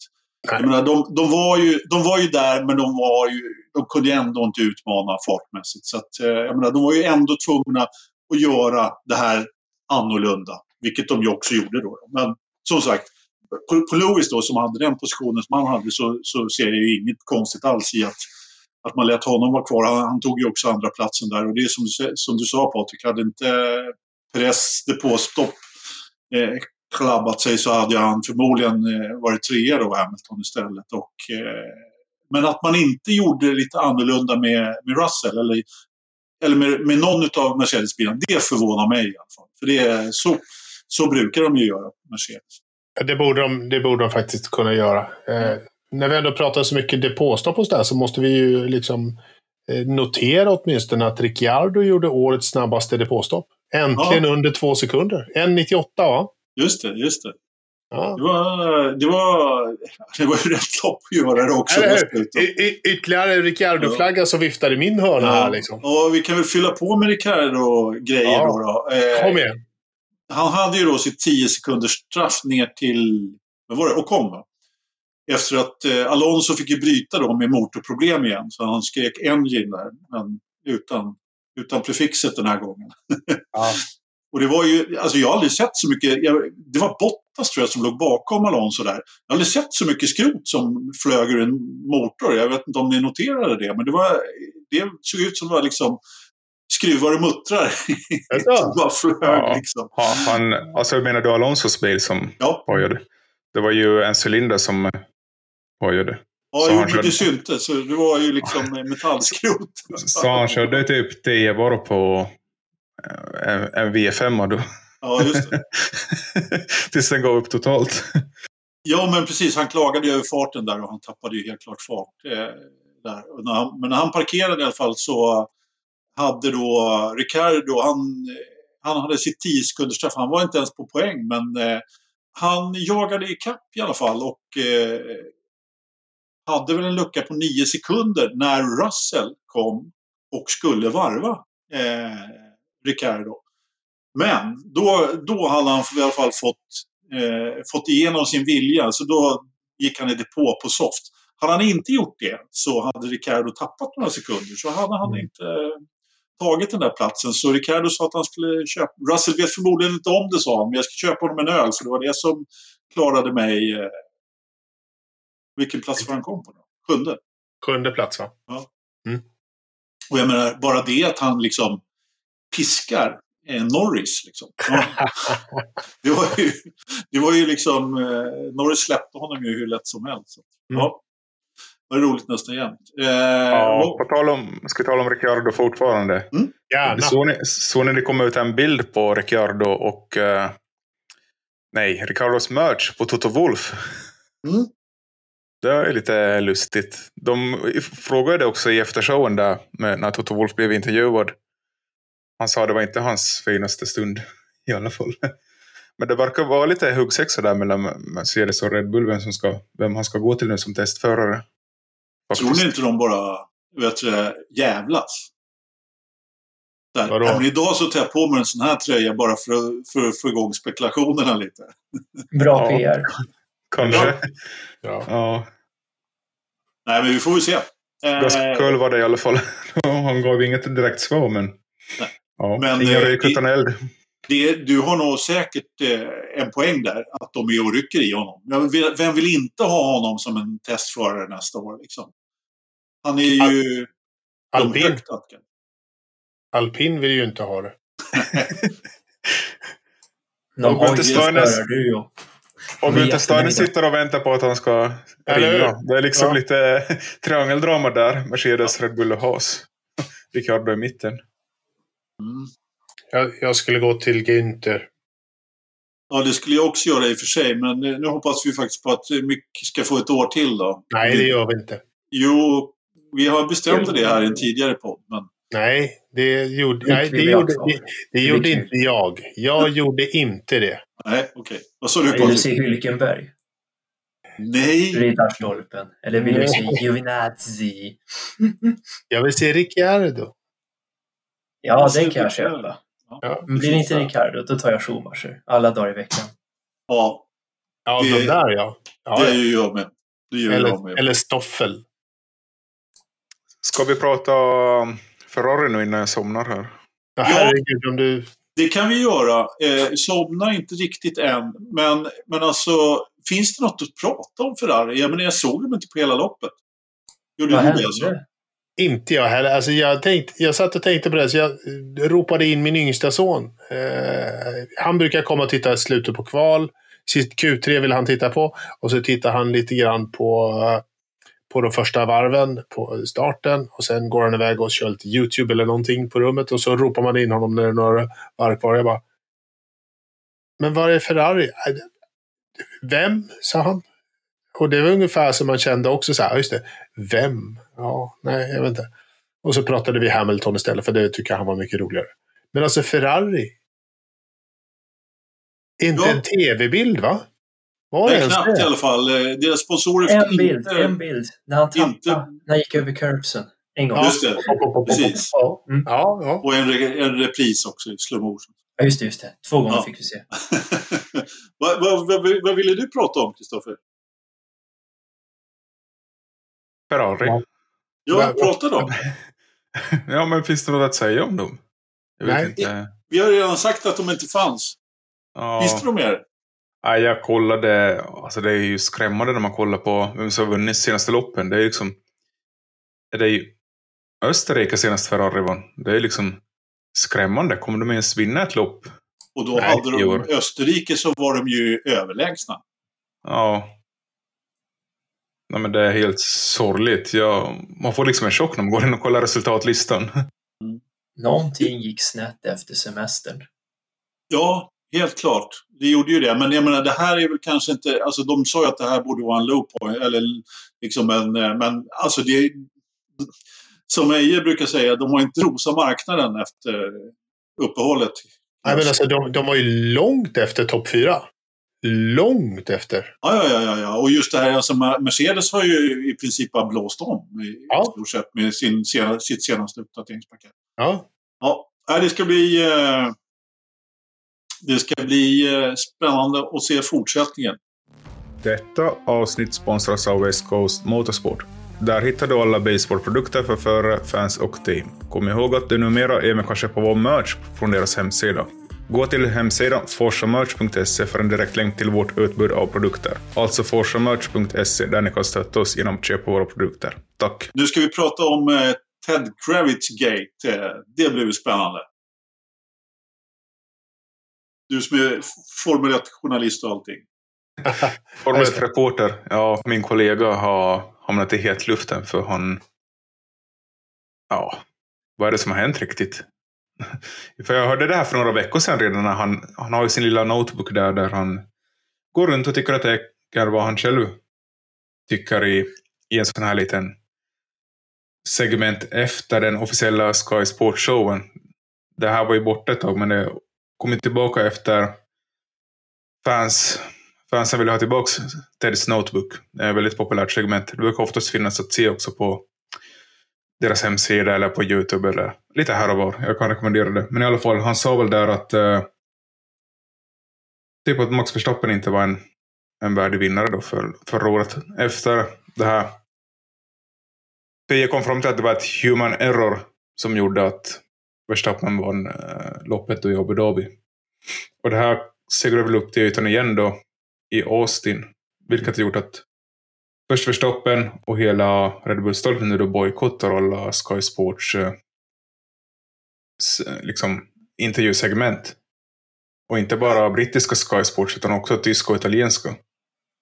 Jaha. Och det är ingen, då får de mycket tid över för att eh, det är rätt många Sky Sportsare i depån. Eh, och, de, det, och de har ju också väldigt ofta haft eh, Christian Horner på, på direktlänk under loppet. Han, han har nästan varit en stapelvara i, eh, i sändningarna eh, där. Så att det kommer ja. bli mycket mera Günther Steiner och Ottmar eh, ja. där framöver. Ja, alltså, alltså det är ingen liten delegation bara brittiska Sky har i, ja, nej, det... där de är där. Vet, det bara kryllar av dem tycker jag. Eh, så, men, men i vilket fall som helst. Eh, jag, om man ska hålla en liten sådär. Jag tycker att det här är en liten storm i ett vattenglas och jag förstår inte ens varför det kommer upp egentligen. Jag menar, han har ju ett ordval. Ted Gravis kan man väl egentligen inte tänka som han är kontroversiell direkt. Utan han bara liksom säger vartefter det som faller honom in. Och det är klart att han är britt och då, då, då är hans ordval att Lewis blev rånad på segern i Abu Dhabi. Eh, alltså jag har... Och, nu, min holländska är inte jättebra. Men jag misstänker att eh, medierna i Holland kanske inte riktigt håller med om det. Eh, och att de är lite åt andra hållet. Vad säger du Patrik? Jag förstår inte vad du menar. Nej men det känns det inte gammalt. Det, det är passé. Varför ska han riva upp såren hela tiden, Ted Kravis, och säga ja men han blev rånad. Han blev rånad. Det är inte första gången han säger att han har blivit rånad. Hamilton liksom. Alltså, drop it, gå vidare. Han har förlorat. Han kommer aldrig få den där pokalen. Nej, det kommer han definitivt. Men varför, var, varför ska då liksom Verstappen och Red Bull agera? Jag menar, kan inte de bara liksom... Alltså varför... De skulle alltså, också det, kunna släppa så slipper det bli vågor på vattnet. Liksom. Det är det jag tycker att Verstappen, han skulle bara liksom... Hallå, han, han är liksom dubbel världsmästare. Han skulle bara kunna gå förbi ja, men gå förbi Sky Sports då, eh, liksom med högt huvud. Liksom, och liksom, inte peka finger åt dem, men liksom säga hallå, jag är världsmästare. Jo, men, men alltså på, på, riktigt, har du, har, du, har du sett Max Verstappen? Alltså, så här, ser du hans persona? Han är inte sån. Nej, jag vet är, att han, han inte är, är sån. Han är inte, han är inte den killen som, som bara eh, går, sträcker på sig och gör det så här och, och pinnar förbi. Ah, han är killen som säger någonting. Jag vill bara liksom så här, som vi hade en, en för jättelänge sedan här i podden, när Ternström kom med råd till vissa Formel 1-förare och ville att de skulle ringa dem och, ja. så han kunde få fakturera några ja. psykologikronor där. Skulle jag bara vilja ge ett råd till Verstappen. Jag menar, han är, jag menar, är man dubbel världsmästare så har man ändå ganska bra pondus i, i depån. Liksom. Bara, jo, och han, ta ingen och, skit liksom. Så. Jo, men hans sätt att utnyttja att han är dubbel världsmästare är att säga så här. Här är linjen. Ni gick över linjen. Jag kommer inte att ge några intervjuer med er. Vilket ju också är extremt fånigt tycker jag. Men skitsamma. Kristoffer, du ville säga någonting här. Långström. Ja, det är väl främst att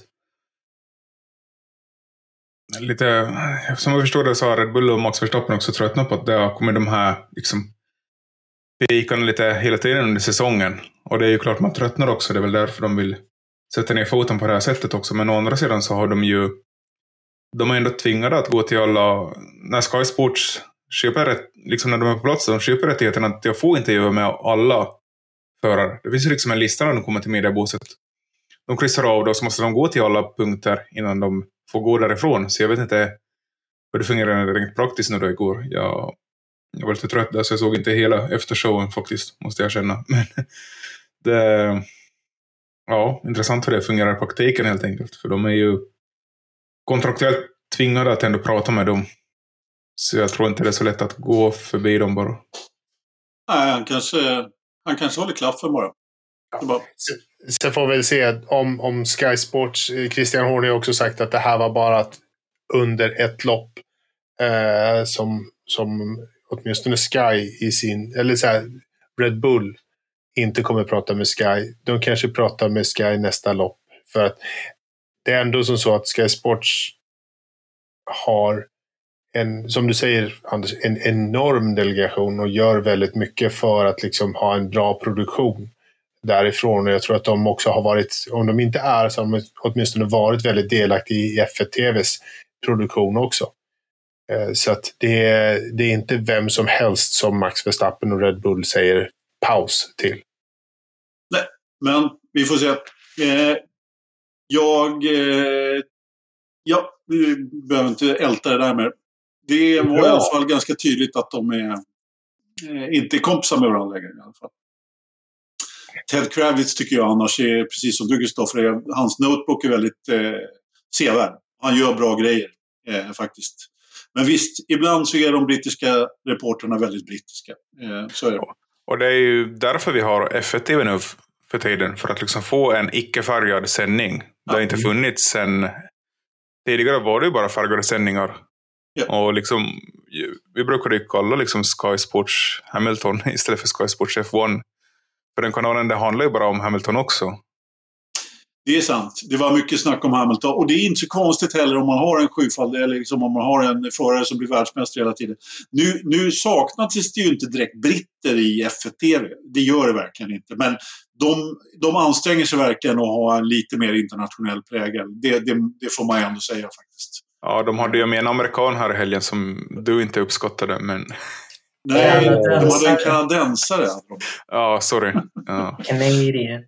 Nej, jag, kan different. inte riktigt med honom faktiskt. Eh, jag fick faktiskt byta. Jag, jag, jag gillar ju att höra Sam Collins, där, deras teknikexpert. Jag gillar honom skarpt alltså med hans analyser. Men jag fick banne mig byta till eh, Martin Brundle och, och Crofty faktiskt. och de vi, hade ju de hade en amerikanska med sig. De hade en amerikan med sig, precis. Amerikanska. Amerikanska hade de med sig. Okej, okay, vem då? Danica Patrick. Jaha, det missade jag. Nej, hon, hon var där återigen. Det är många, många lopp nu. Hon var där förut eh, i USA också naturligtvis, men hon var där i Mexiko med. Ja, mm. härligt. härligt. Hon är bra. Eh, ja, ja absolut. Eh, definitivt. Eh, hon är alltid intressant att höra på. Eh, hörni, ska vi, eh, ska vi gå vidare? Har du något skop, Kristoffer? Det är väl mest snack om de här kryptovalutorna som har fallit i värde. Det har ju kommit ganska många Okay. kryptosponsorer till F1 senaste åren. Men uh, hela kryptomarknaden har fall, fallit med 88 procent senaste året. Och uh, istället då är de här mer traditionella penningöverföringsföretagen som Monogram, Paypal och sådana kom in i F1 istället. Så det verkar vara en uh, det är bara någonting jag noterat. Inget skop, men eh, Nej. ja, verkar gå tillbaka till traditionella penningtvättsmedel istället för så, så bitcoin. nä, nästa år så kommer, eh, vad heter han, Connor köra, istället för en bitcoinbil så kommer han köra en SEK. SEK? I Indycar. Eh, svenska enkronor. Jaha, du tänkte på svenska? Ja. Uh, ja. Ah. Ah, kanske ah. det. Okay. Eller kanske, kanske det. Ja, jag vet alltså, nu har ju svenska kronan också fallit i värde ganska ordentligt. Men, men, eh, ja, men eh, money, vad heter de då? Moneygram är ju ny huvudsponsor till Hans i alla fall. Vem, Paypal har inte jag sett. Vem sponsrar de? Inte sitter Paypal där.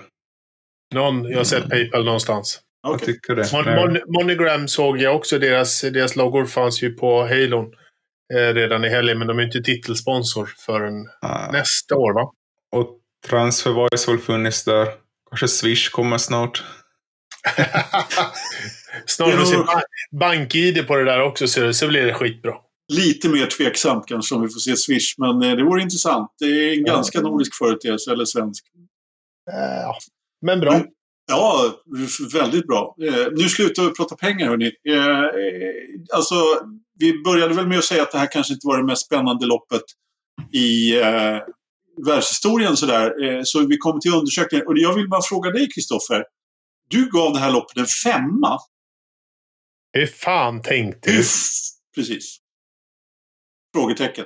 Ja, men jag satt, jag satt liksom på nålar med de här däckstrategierna. Det är liksom, som Will Buxton sa, han har lyssnat på mig när jag sa att det, det här är som chock på, i 350 km i timmen.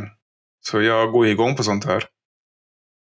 Det är ju jag också, när det, när det är så spännande. Fast jag visste ju att Verstappen skulle vinna efter första kurvan. Så att jag menar, det var ju, det var ju ingenstans var det här spännande överhuvudtaget. Ja, lite spännande var det inledningsvis kanske, men så fort Mercedes fick på dem, på dem hårda så var det ju ingen match längre. Liksom. Eh, det, det är liksom spänningen. Men... Ridderstolpe? Nej, jag, jag, jag vet de flesta tycker väl kanske inte riktigt som Kristoffer. De, det var nog ganska få som satt på nålar. I sådana fall är det fakirer, för de sov nog ganska skönt. Jag sov uh, skönt de tre ja. gångerna. Eller hur? Och du, du är inte ensam. Jag har sett flera som har... Så här, det var någon, någon tjej som postade en kommentar att hon, hon har aldrig liksom somnat för, till ett Formel 1-lopp förut, men den här gången gjorde hon det. Uh, alltså, det fick eh, knappt en tvåa, liksom, så här, knappt över två. 2,1 lyckades ändå medelbetyget hamna på. Det är inte, mm, det, är inte mm. sämsta loppet i år, tyvärr. Men det är ju ingen höjdare.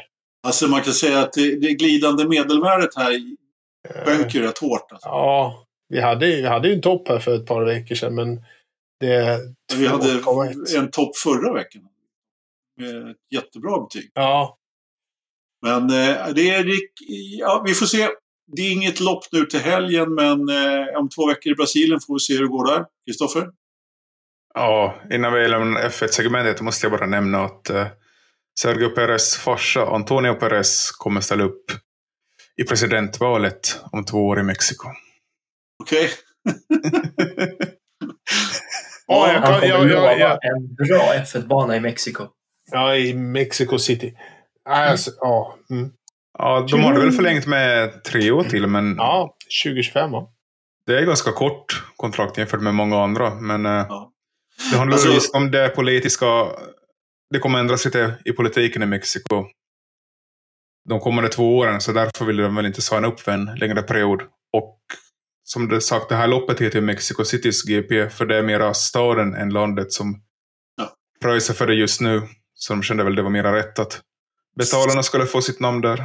Ja, och sta staden är ju också hyfsat stor. Den är ju som eh, eh några gånger större än Sverige, så att jag menar i princip. Så att, eh, ja, eh, jag, jag gillar ju det här eventet. Jag tycker om banan. Jag gillar framförallt inramningen. Alltså, varje gång man ser den här eh, liksom baseballstadion med alla människor och liksom, alla verkar glada och uppklädda. Och, och pappa Perez.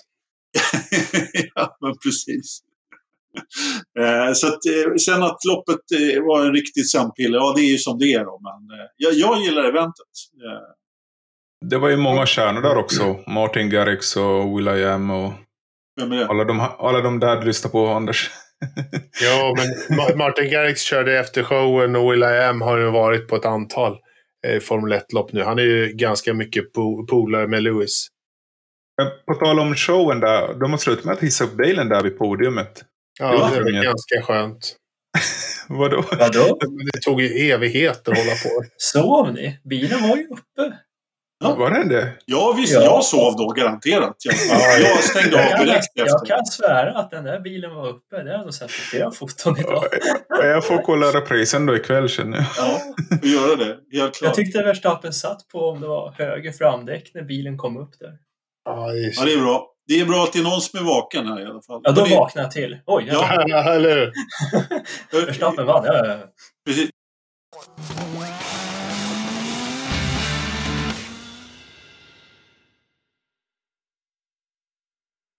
Ja, vem är det som har skrivit att Tennessee har ny ba bana här då? Flat Rock Motorsports Park and Motor Club?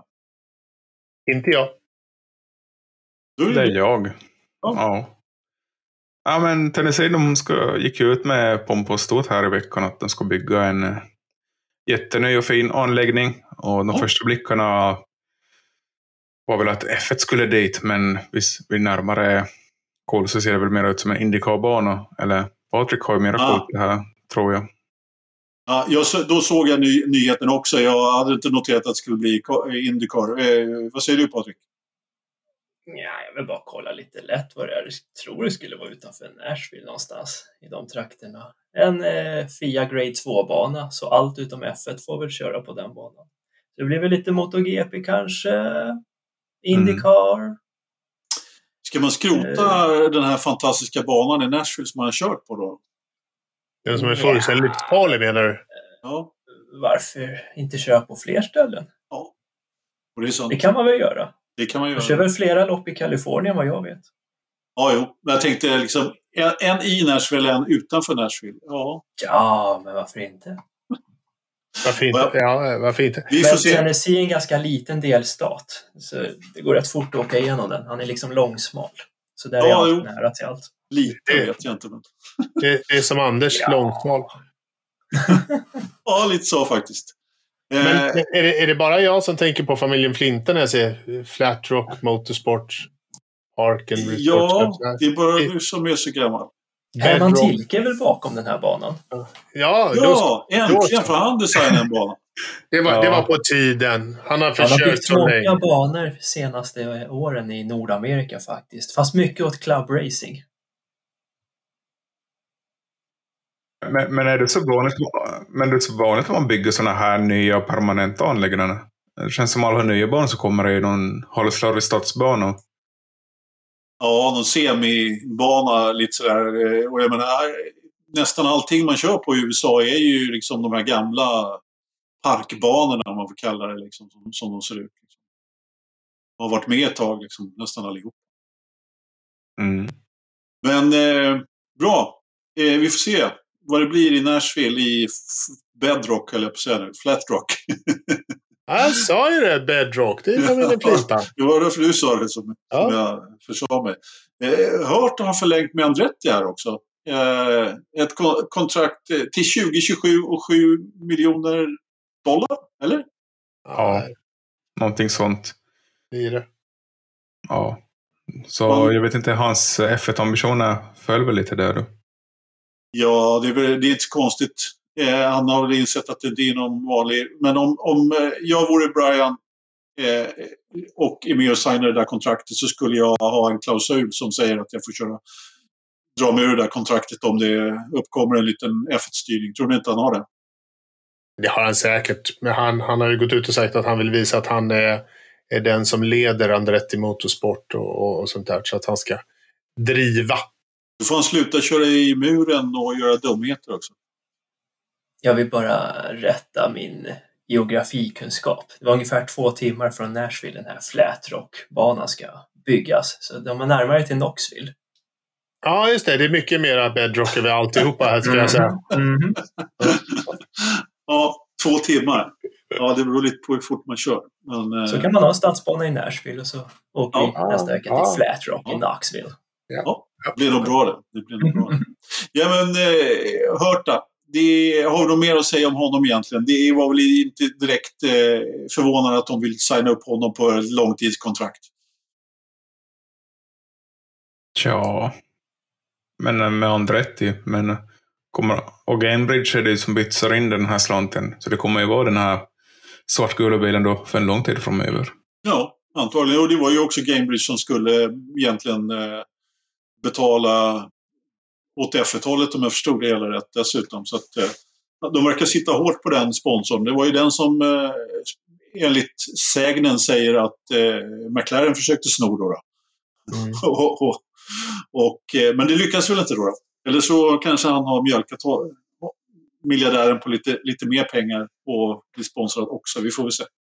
Det, blir, det här blir väl en, eh, en Captain America DHL-styrning eh, av det hela så småningom med Gainbridge och, och Colton Hurta. Liksom. Det, de kommer att höra ihop. Ja, vi får se.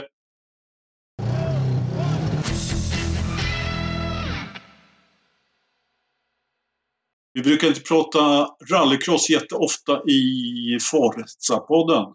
Men eh, nu gör vi det lite grann i alla fall. Kristoffersson, jag kan ingenting om rallycross i stort sett, men Kristoffersson har tagit hem sitt femte VM i alla fall. Det, det måste ändå nämnas. Och första gången har man kört med el.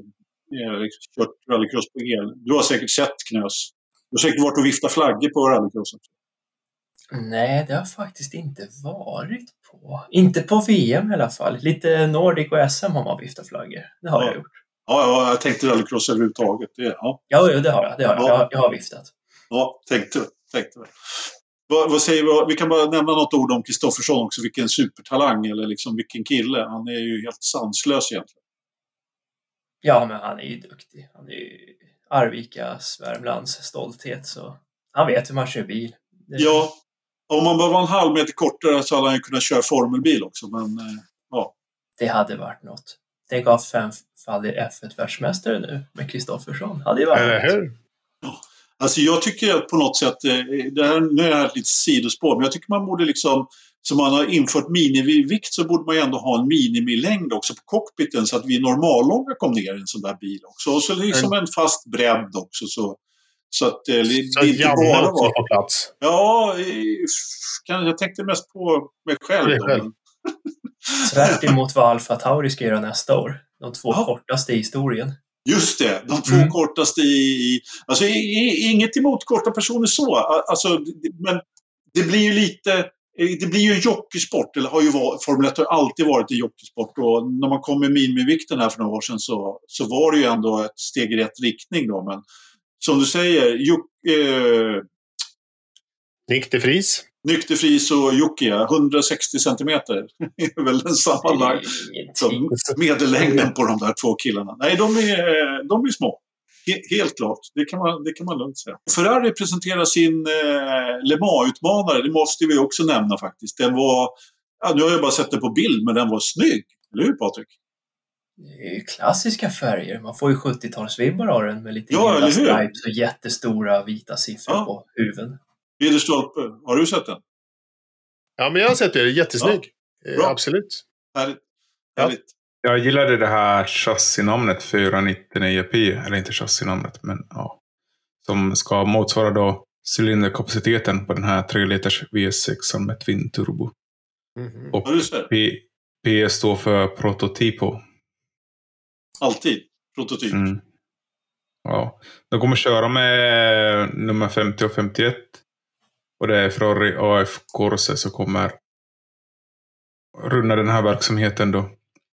De har redan kört 12 000 kilometer i testutförande då.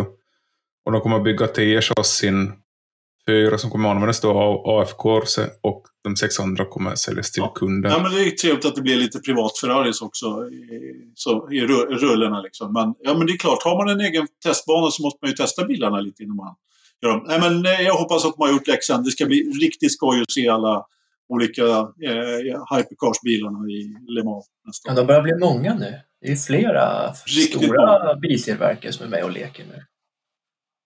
Ja, jag, jag har hela listan här. Det är ju Toyota, Toyota såklart, men Alpin, Peugeot, Porsche, BMW, Lamborghini, Acura och Cadillac. Och Ferrari då? Ja. Det, Ferrari, så det är nio. Och så finns det en till två till ännu som är möjliga. Det, och, och det handlar ju förstås om att handla Le Mans. Det är ju det som är stora marketinggrejen i det här mästerskapet. Ja, men just att det har gått ifrån att varit, Toyota har varit ensamma liksom, i, i högsta klassen i, jag vet inte hur många år nu. Ja, 17, 18 och sånt där va? Ja. När Volkswagen-ledningen råkade åka dit i någon mindre skandal här. så att de fick dra tillbaka lite, lite satsningar på motorsport. Mm. Ja, precis. Ja, så kan det vara. Så kan, kan det vara. Dino Beganovic blev, kvar, blev klar för en eh, F3-satsningen. Väldigt roligt, eh, måste jag säga, i Prema. Vi pratade ju om det i tidigare i podden också, så att nu är det lite upp till vis här eh, nästa år. Har, har, har du något att säga om det, Kristoffer?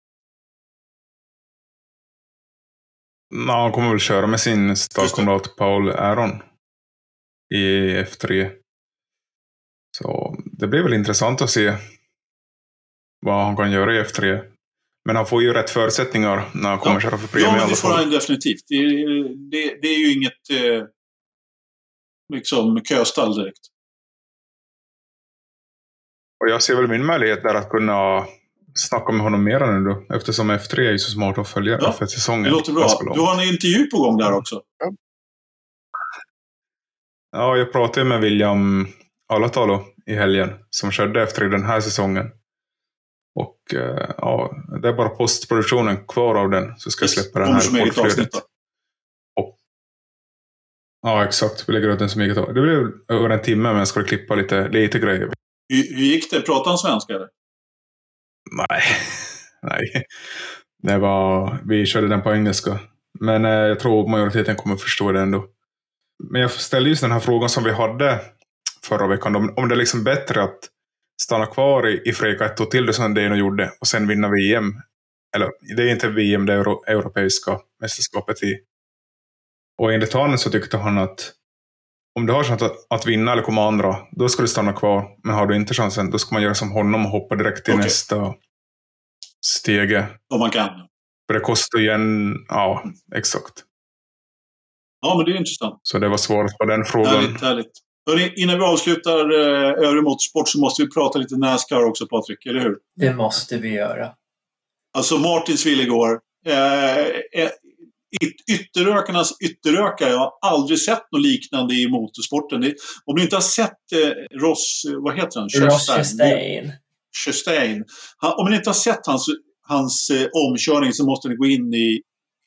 Sök upp den på YouTube. Forza Motorsportgruppen så har Patrik här ja. lagt ut en filmsnutt på den. Han, Berätta vad han gjorde. Han är ju kvällens och dagens snackissport i USA. Han är, har ju han har ju fått snurr på vad Nascar är nu. Nu pratar alla om Nascar och det är ju perfekt inför sista loppet nästa helg. Nej, men det som hände det var väl att eh, han låg tia och han behövde ta två platser till för att vara med i slutspelet. Då. Det här var ju det sista loppet i the round of eight där de slåss om åtta förare för att bara bli de sista fyra inför sista loppet. Då. Och då fick han veta att han behöver ta två platser till och han sa bara, jag kör in i muren.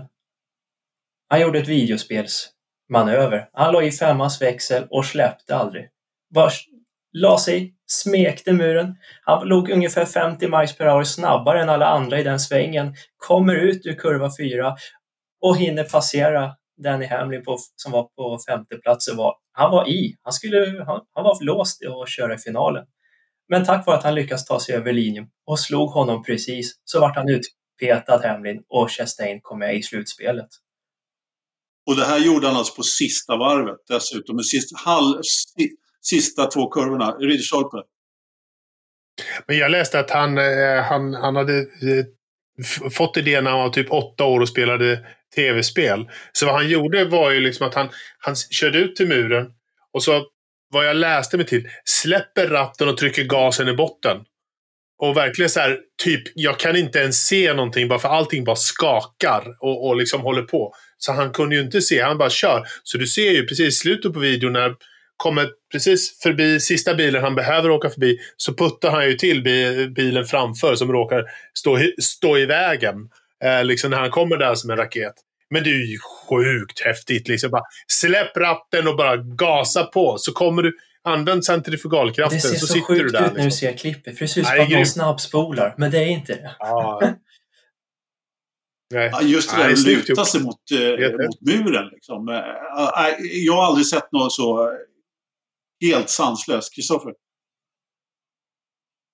Jag såg det var, jag tror det var motorsport.com som hade fått på onboardbilderna och det ser ju helt eh, sjukt ut. Det liksom flyger ja, delar av bilen. Ja, ja, ja. Muren liksom jag är imponerad över att grejerna... Nu är det ju rätt robusta prylar, en Nascar-bil ändå, eh, måste man ju ändå säga. En kurva också. Bara en kurva, tack och lov också. Men stannade bilen efteråt eller måste de ändå kunna ta sig det på? Men eh, bilen behöver inte vara körbart skick efter mål. Eh, det, är inga sådana regler. Jaha, nej, nej, nej, nej. Det är inte som i F1? Visst, de, ska, de väger och lite sådana saker, okay. men det är inte alls på den nivå som Formel 1 har. Annars, eh, annars är alltså spektakulära målgångar finns det några stycken. Jag kan bara komma på en som egentligen är lite, lika spektakulär och det var väl när eh, en viss Fittipaldi vet du, flippade över mållinjen ah, på Monza. Monza 92 va? Ja, någonting i den där stilen. Mm. Den, den målgången var ju också... Han tog inte så många platser på det dock, men jag menar det... Nej, just, det var en utav de... just att den här manövern gav i hans fall, en överlevnad och slåss om titel till nästa lopp. Ja, ja. ja men just det att det var liksom att han tog de här platserna. Som man, ja. jag, jag läste att han tog fem platser där ja, på den där manövern. På sista svängen. Ja, och jag menar, då ser man det som du säger. Han satte nytt varvrekord.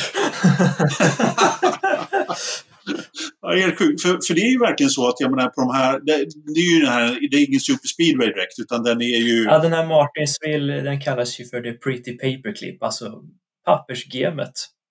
Ja, den är jätteliten, 800, knappt, ja, lite över 800 meter lång. Och ja, den är, lite, den, är som Bristol, den är som Bristol, fast, fast, fast inte lika bankad. Mm. Ja, precis. Och, och jag menar, du, du kör ju liksom i det ser ju ut som att liksom, man är ute och åker till affären när de kör runt kurvorna där. För det går inte speciellt fort. Nej. Och så är det som du säger, så kommer det någon i, i, i snabbspolning liksom i ytterspåret. Det, det, det jag kom att tänka på var ju liksom att det var en sån här bilbana liksom, som man kör med. Ja. Exakt, med, när man lutas mot staketet. Liksom. Ja ytterkurvan. Liksom. Så såg det ut när han kom. Liksom, och bara visslade om allihopa. Ja, helt sanslöst. Ja. det var jättehäftigt. Då vaknade jag till. Sen var jag väl superpigg i ytterligare en timme efteråt och bara kolla om och kolla om och bara njöt. Ja, vad, vad hände? Hur, hur många? Är det två lopp kvar nu eller? Nej, nu, det är sista nästa vecka från Phoenix, Arizona. Ja, Okej. Okay. Nu i helgen ja. Och då är det fyra förare som slåss om titel. Det är först över mållinje som gäller. Och det är Joey Logano i bil nummer 22. Det är Ross Chastain i bil nummer 1. Christopher Bell som vann loppet för övrigt igår, eh, som eh, tog sig vidare. Och så är det 2020 eh, års mästare, nummer 9, Chase Elliott. De fyra slåss om titeln. Härligt! Får vi se hur det går.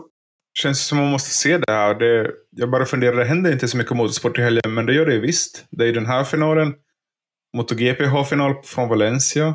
Och så är det väl... Åh, oh, jo, det kanske... Nej, det är nog nästa vecka, va? Är det inte det? Rally Japan. Ah, Okej, okay. så det är bara... Ja, så det är bara MotoGP och Nascar. Men det är ack så spännande. Detta avsnitt sponsras av West Coast Motorsport. Där hittar du alla baseballprodukter för förare, fans och team. Kom ihåg att du numera även kan köpa vår merch från deras hemsida. Gå till hemsidan forsamerch.se för en direkt länk till vårt utbud av produkter. Alltså forsamerch.se där ni kan stötta oss genom att köpa våra produkter. Tack!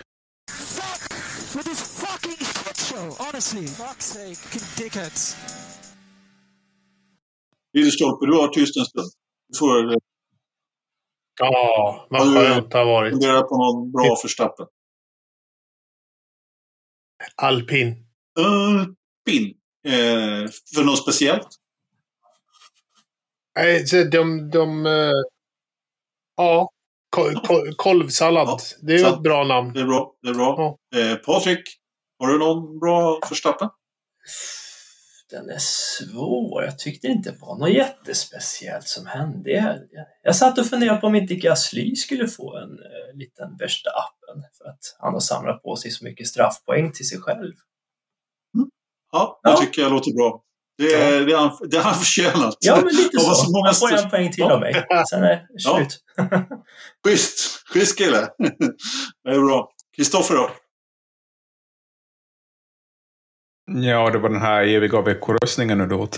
Det är ju alltid lite känsligt det. Uh, ja. Vad pratar du om? Ja, ja. Utrustningen. Just utrustningen? Ja, ja, ja, ja, okay. Ja, eh, ja. alltså käns känsligt. Örådet. Det är bara ja, ut med exakt. det bara. Fritt från hjärtat. All, alla aggressioner bara. Kom igen. Ja, men om, men om inte jag har några aggressioner. Jag är liksom... då, får du, då får du välja någon, någonting ändå. Ja, men ta din då Anders före. Då får du fundera. Får jag... Men jag hade ju flera stycken. Jag hade ju en reserv ja. om du skulle ta min. Men, men eh, jag tar... Eh, jag faktum är att Förstappen får min Förstappen för jag tycker att det är lite farligt att det här med, med Sky Sport faktiskt. Jag vet att ni inte riktigt håller med allihopa men eh, jag gillar inte den där typen av grejer. Så, eh, han, får, han får det min Förstappen faktiskt. Jag kan ta min reservare så länge. Jag gillade inte att Stroll körde in i Gasly. Även om Gasly inte har gjort så mycket bra grejer så tyckte jag att det så, var väldigt fult när han tryckte till eh, Gasly faktiskt. kan få den Kristoffer om du vill. Eller har du kommit på något bättre? Nej, min... Eh, ja... Ja, bättre vet jag väl inte, men uh, Fia får väl en känga igen. Uh, allt det som hände förra veckan. Det kan de gott få, ja. Med, med det, ja. Att, att domarna är oavlönade, det är väl det som... Ger de inte lön så ska det nog det där fixa till sig. Ja, men de kommer ju få lön från nästa år. Då har vi sju miljoner spenderat på, på... Man kanske skulle bli ja. F1-domare. Ja.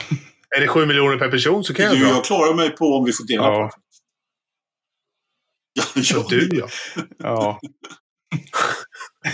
ja. Men de är ju, måste ju tänka när 20 miljoner delat på, är de tre, det är väl tre domare plus en förrepresentant.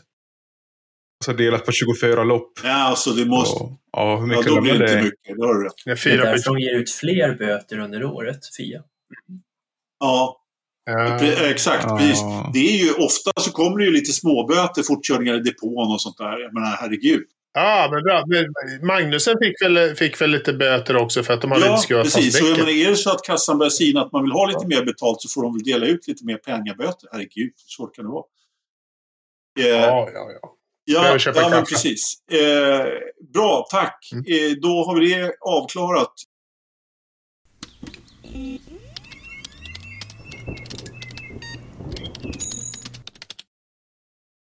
Ja, Kristoffer, du hade ju lagt ut en tävling i vår, nu tror jag tredje gången jag säger Forza Motorsports eh, Facebookgrupp här idag. Men eh, det är nämligen så att eh, vår kära väderstation då, eh, den eh, har ju då ett par webbkameror och en av de här som vi brukar eh, nämna här i podden det är ju då snödjupet. Det är helt enkelt en webbkamera som sitter framför en pinne som mäter snödjupet. Och då har du lagt ut en tävling för när det börjar snöa i Grävelsjön. Det stämmer. Ja, och så kan man gå in där i- den eh, tråden och gissa vilket eh, datum och vecka Ja, vi vill har du fått ha. massor med svar redan. Det, det här växte ju någonting enormt. Jag var liksom förvånad över hur många Ja, deltagare du fått hittills. det måste vara det fina priset, ett klist, Forza-klistermärke. Ja, Naturligtvis. Vad skulle det annars vara? Ja, jag har gissat på den 6 november. men, Ja, ja. men, jag, men jag var ju dum nog att sätta ut det här. Nu måste jag kolla liksom varje dag om det har snöat i Grövelsjön. Ja, precis. Men du har väl inte fuskkollat idag? Du har väl inte fuskkollat idag så att du fuskar här med... Nej, kan du kolla nu om det har börjat snöa? Nej, det har inte börjat snöa än. Det har det inte gjort. Då för, Eh, Jakob skrev i är- natt, så han är redan ute ur tävlingen. Ja, det, har, det är han definitivt. Eh, alltså, nej, det är fint där vid kåtorna och fjällbuva och fågelbordet, Det är tvärtomt. Inte en fågel och inte en älg, ingenting. Inga rådjur. Eh, och det är 10-17 hästkrafter och, nu ska vi se, 1,2 grader. Nej, då snöar det inte, vet du. då regnar det. Eh, så mycket meteorologi kan jag. Vindavkylningen 1,2, dagpunkten 0,7. Och det är 19,3 grader i köket. Vad har vi då i datorförrådet, Patrik Knös? 11,4. Fel! Nej! Ridderstolpe. 12,1. Fel! Kristoffer.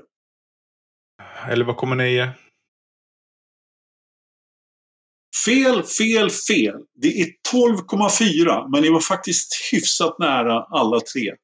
Eh, måste jag ändå säga. Eh, ingen snö, 12,4 i datorförrådet. Ska ni till Kumla i helgen? Jag tänkte precis säga det. Hur många åker till Kumla i helgen? Det är alltså, var inte, den, var inte det nästa helg? Nej, det står eh, den, denna söndag klockan 15 på Kumla torg. Om man träffa Marcus Eriksson. Ja, visst fan, det är den 31, det är den första i november imorgon. Det blir, det, det blir på lördag då. Eh, helt klart. Men jag har förstått att han kommer stå på Mall of Scandinavia på lördagen. Ja, Om man vill göra meet and greet, träffa honom. De har en liten eh, Husky-turné där så att han kommer att åka runt med Husky och Mall och Scandinavia. Det var nog fler ställen. Om det var Örebro också säkert. Möjligt. Men för min del som bor i Stockholm så är det bra. Det funkar för mig. ska vi köra en sån här liten inofficiell Fo- Forsa-meeting där? En AV. Annars får alltid avsky när jag pratar meetings och happenings Ja, in ja. real life. På Mall of Scandinavia, alltså don't mention the, the, the mall. Herregud.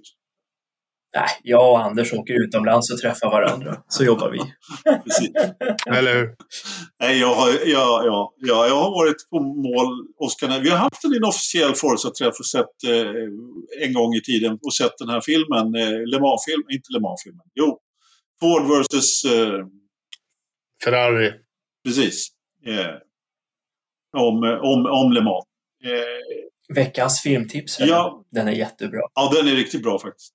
Eh, Varför ska Anders Bagge vara på, på plats? Varför han är där vet ingen. Vem är det? Just det. Vad har han med det att göra? Hörrni, Men eh, vet ni vad?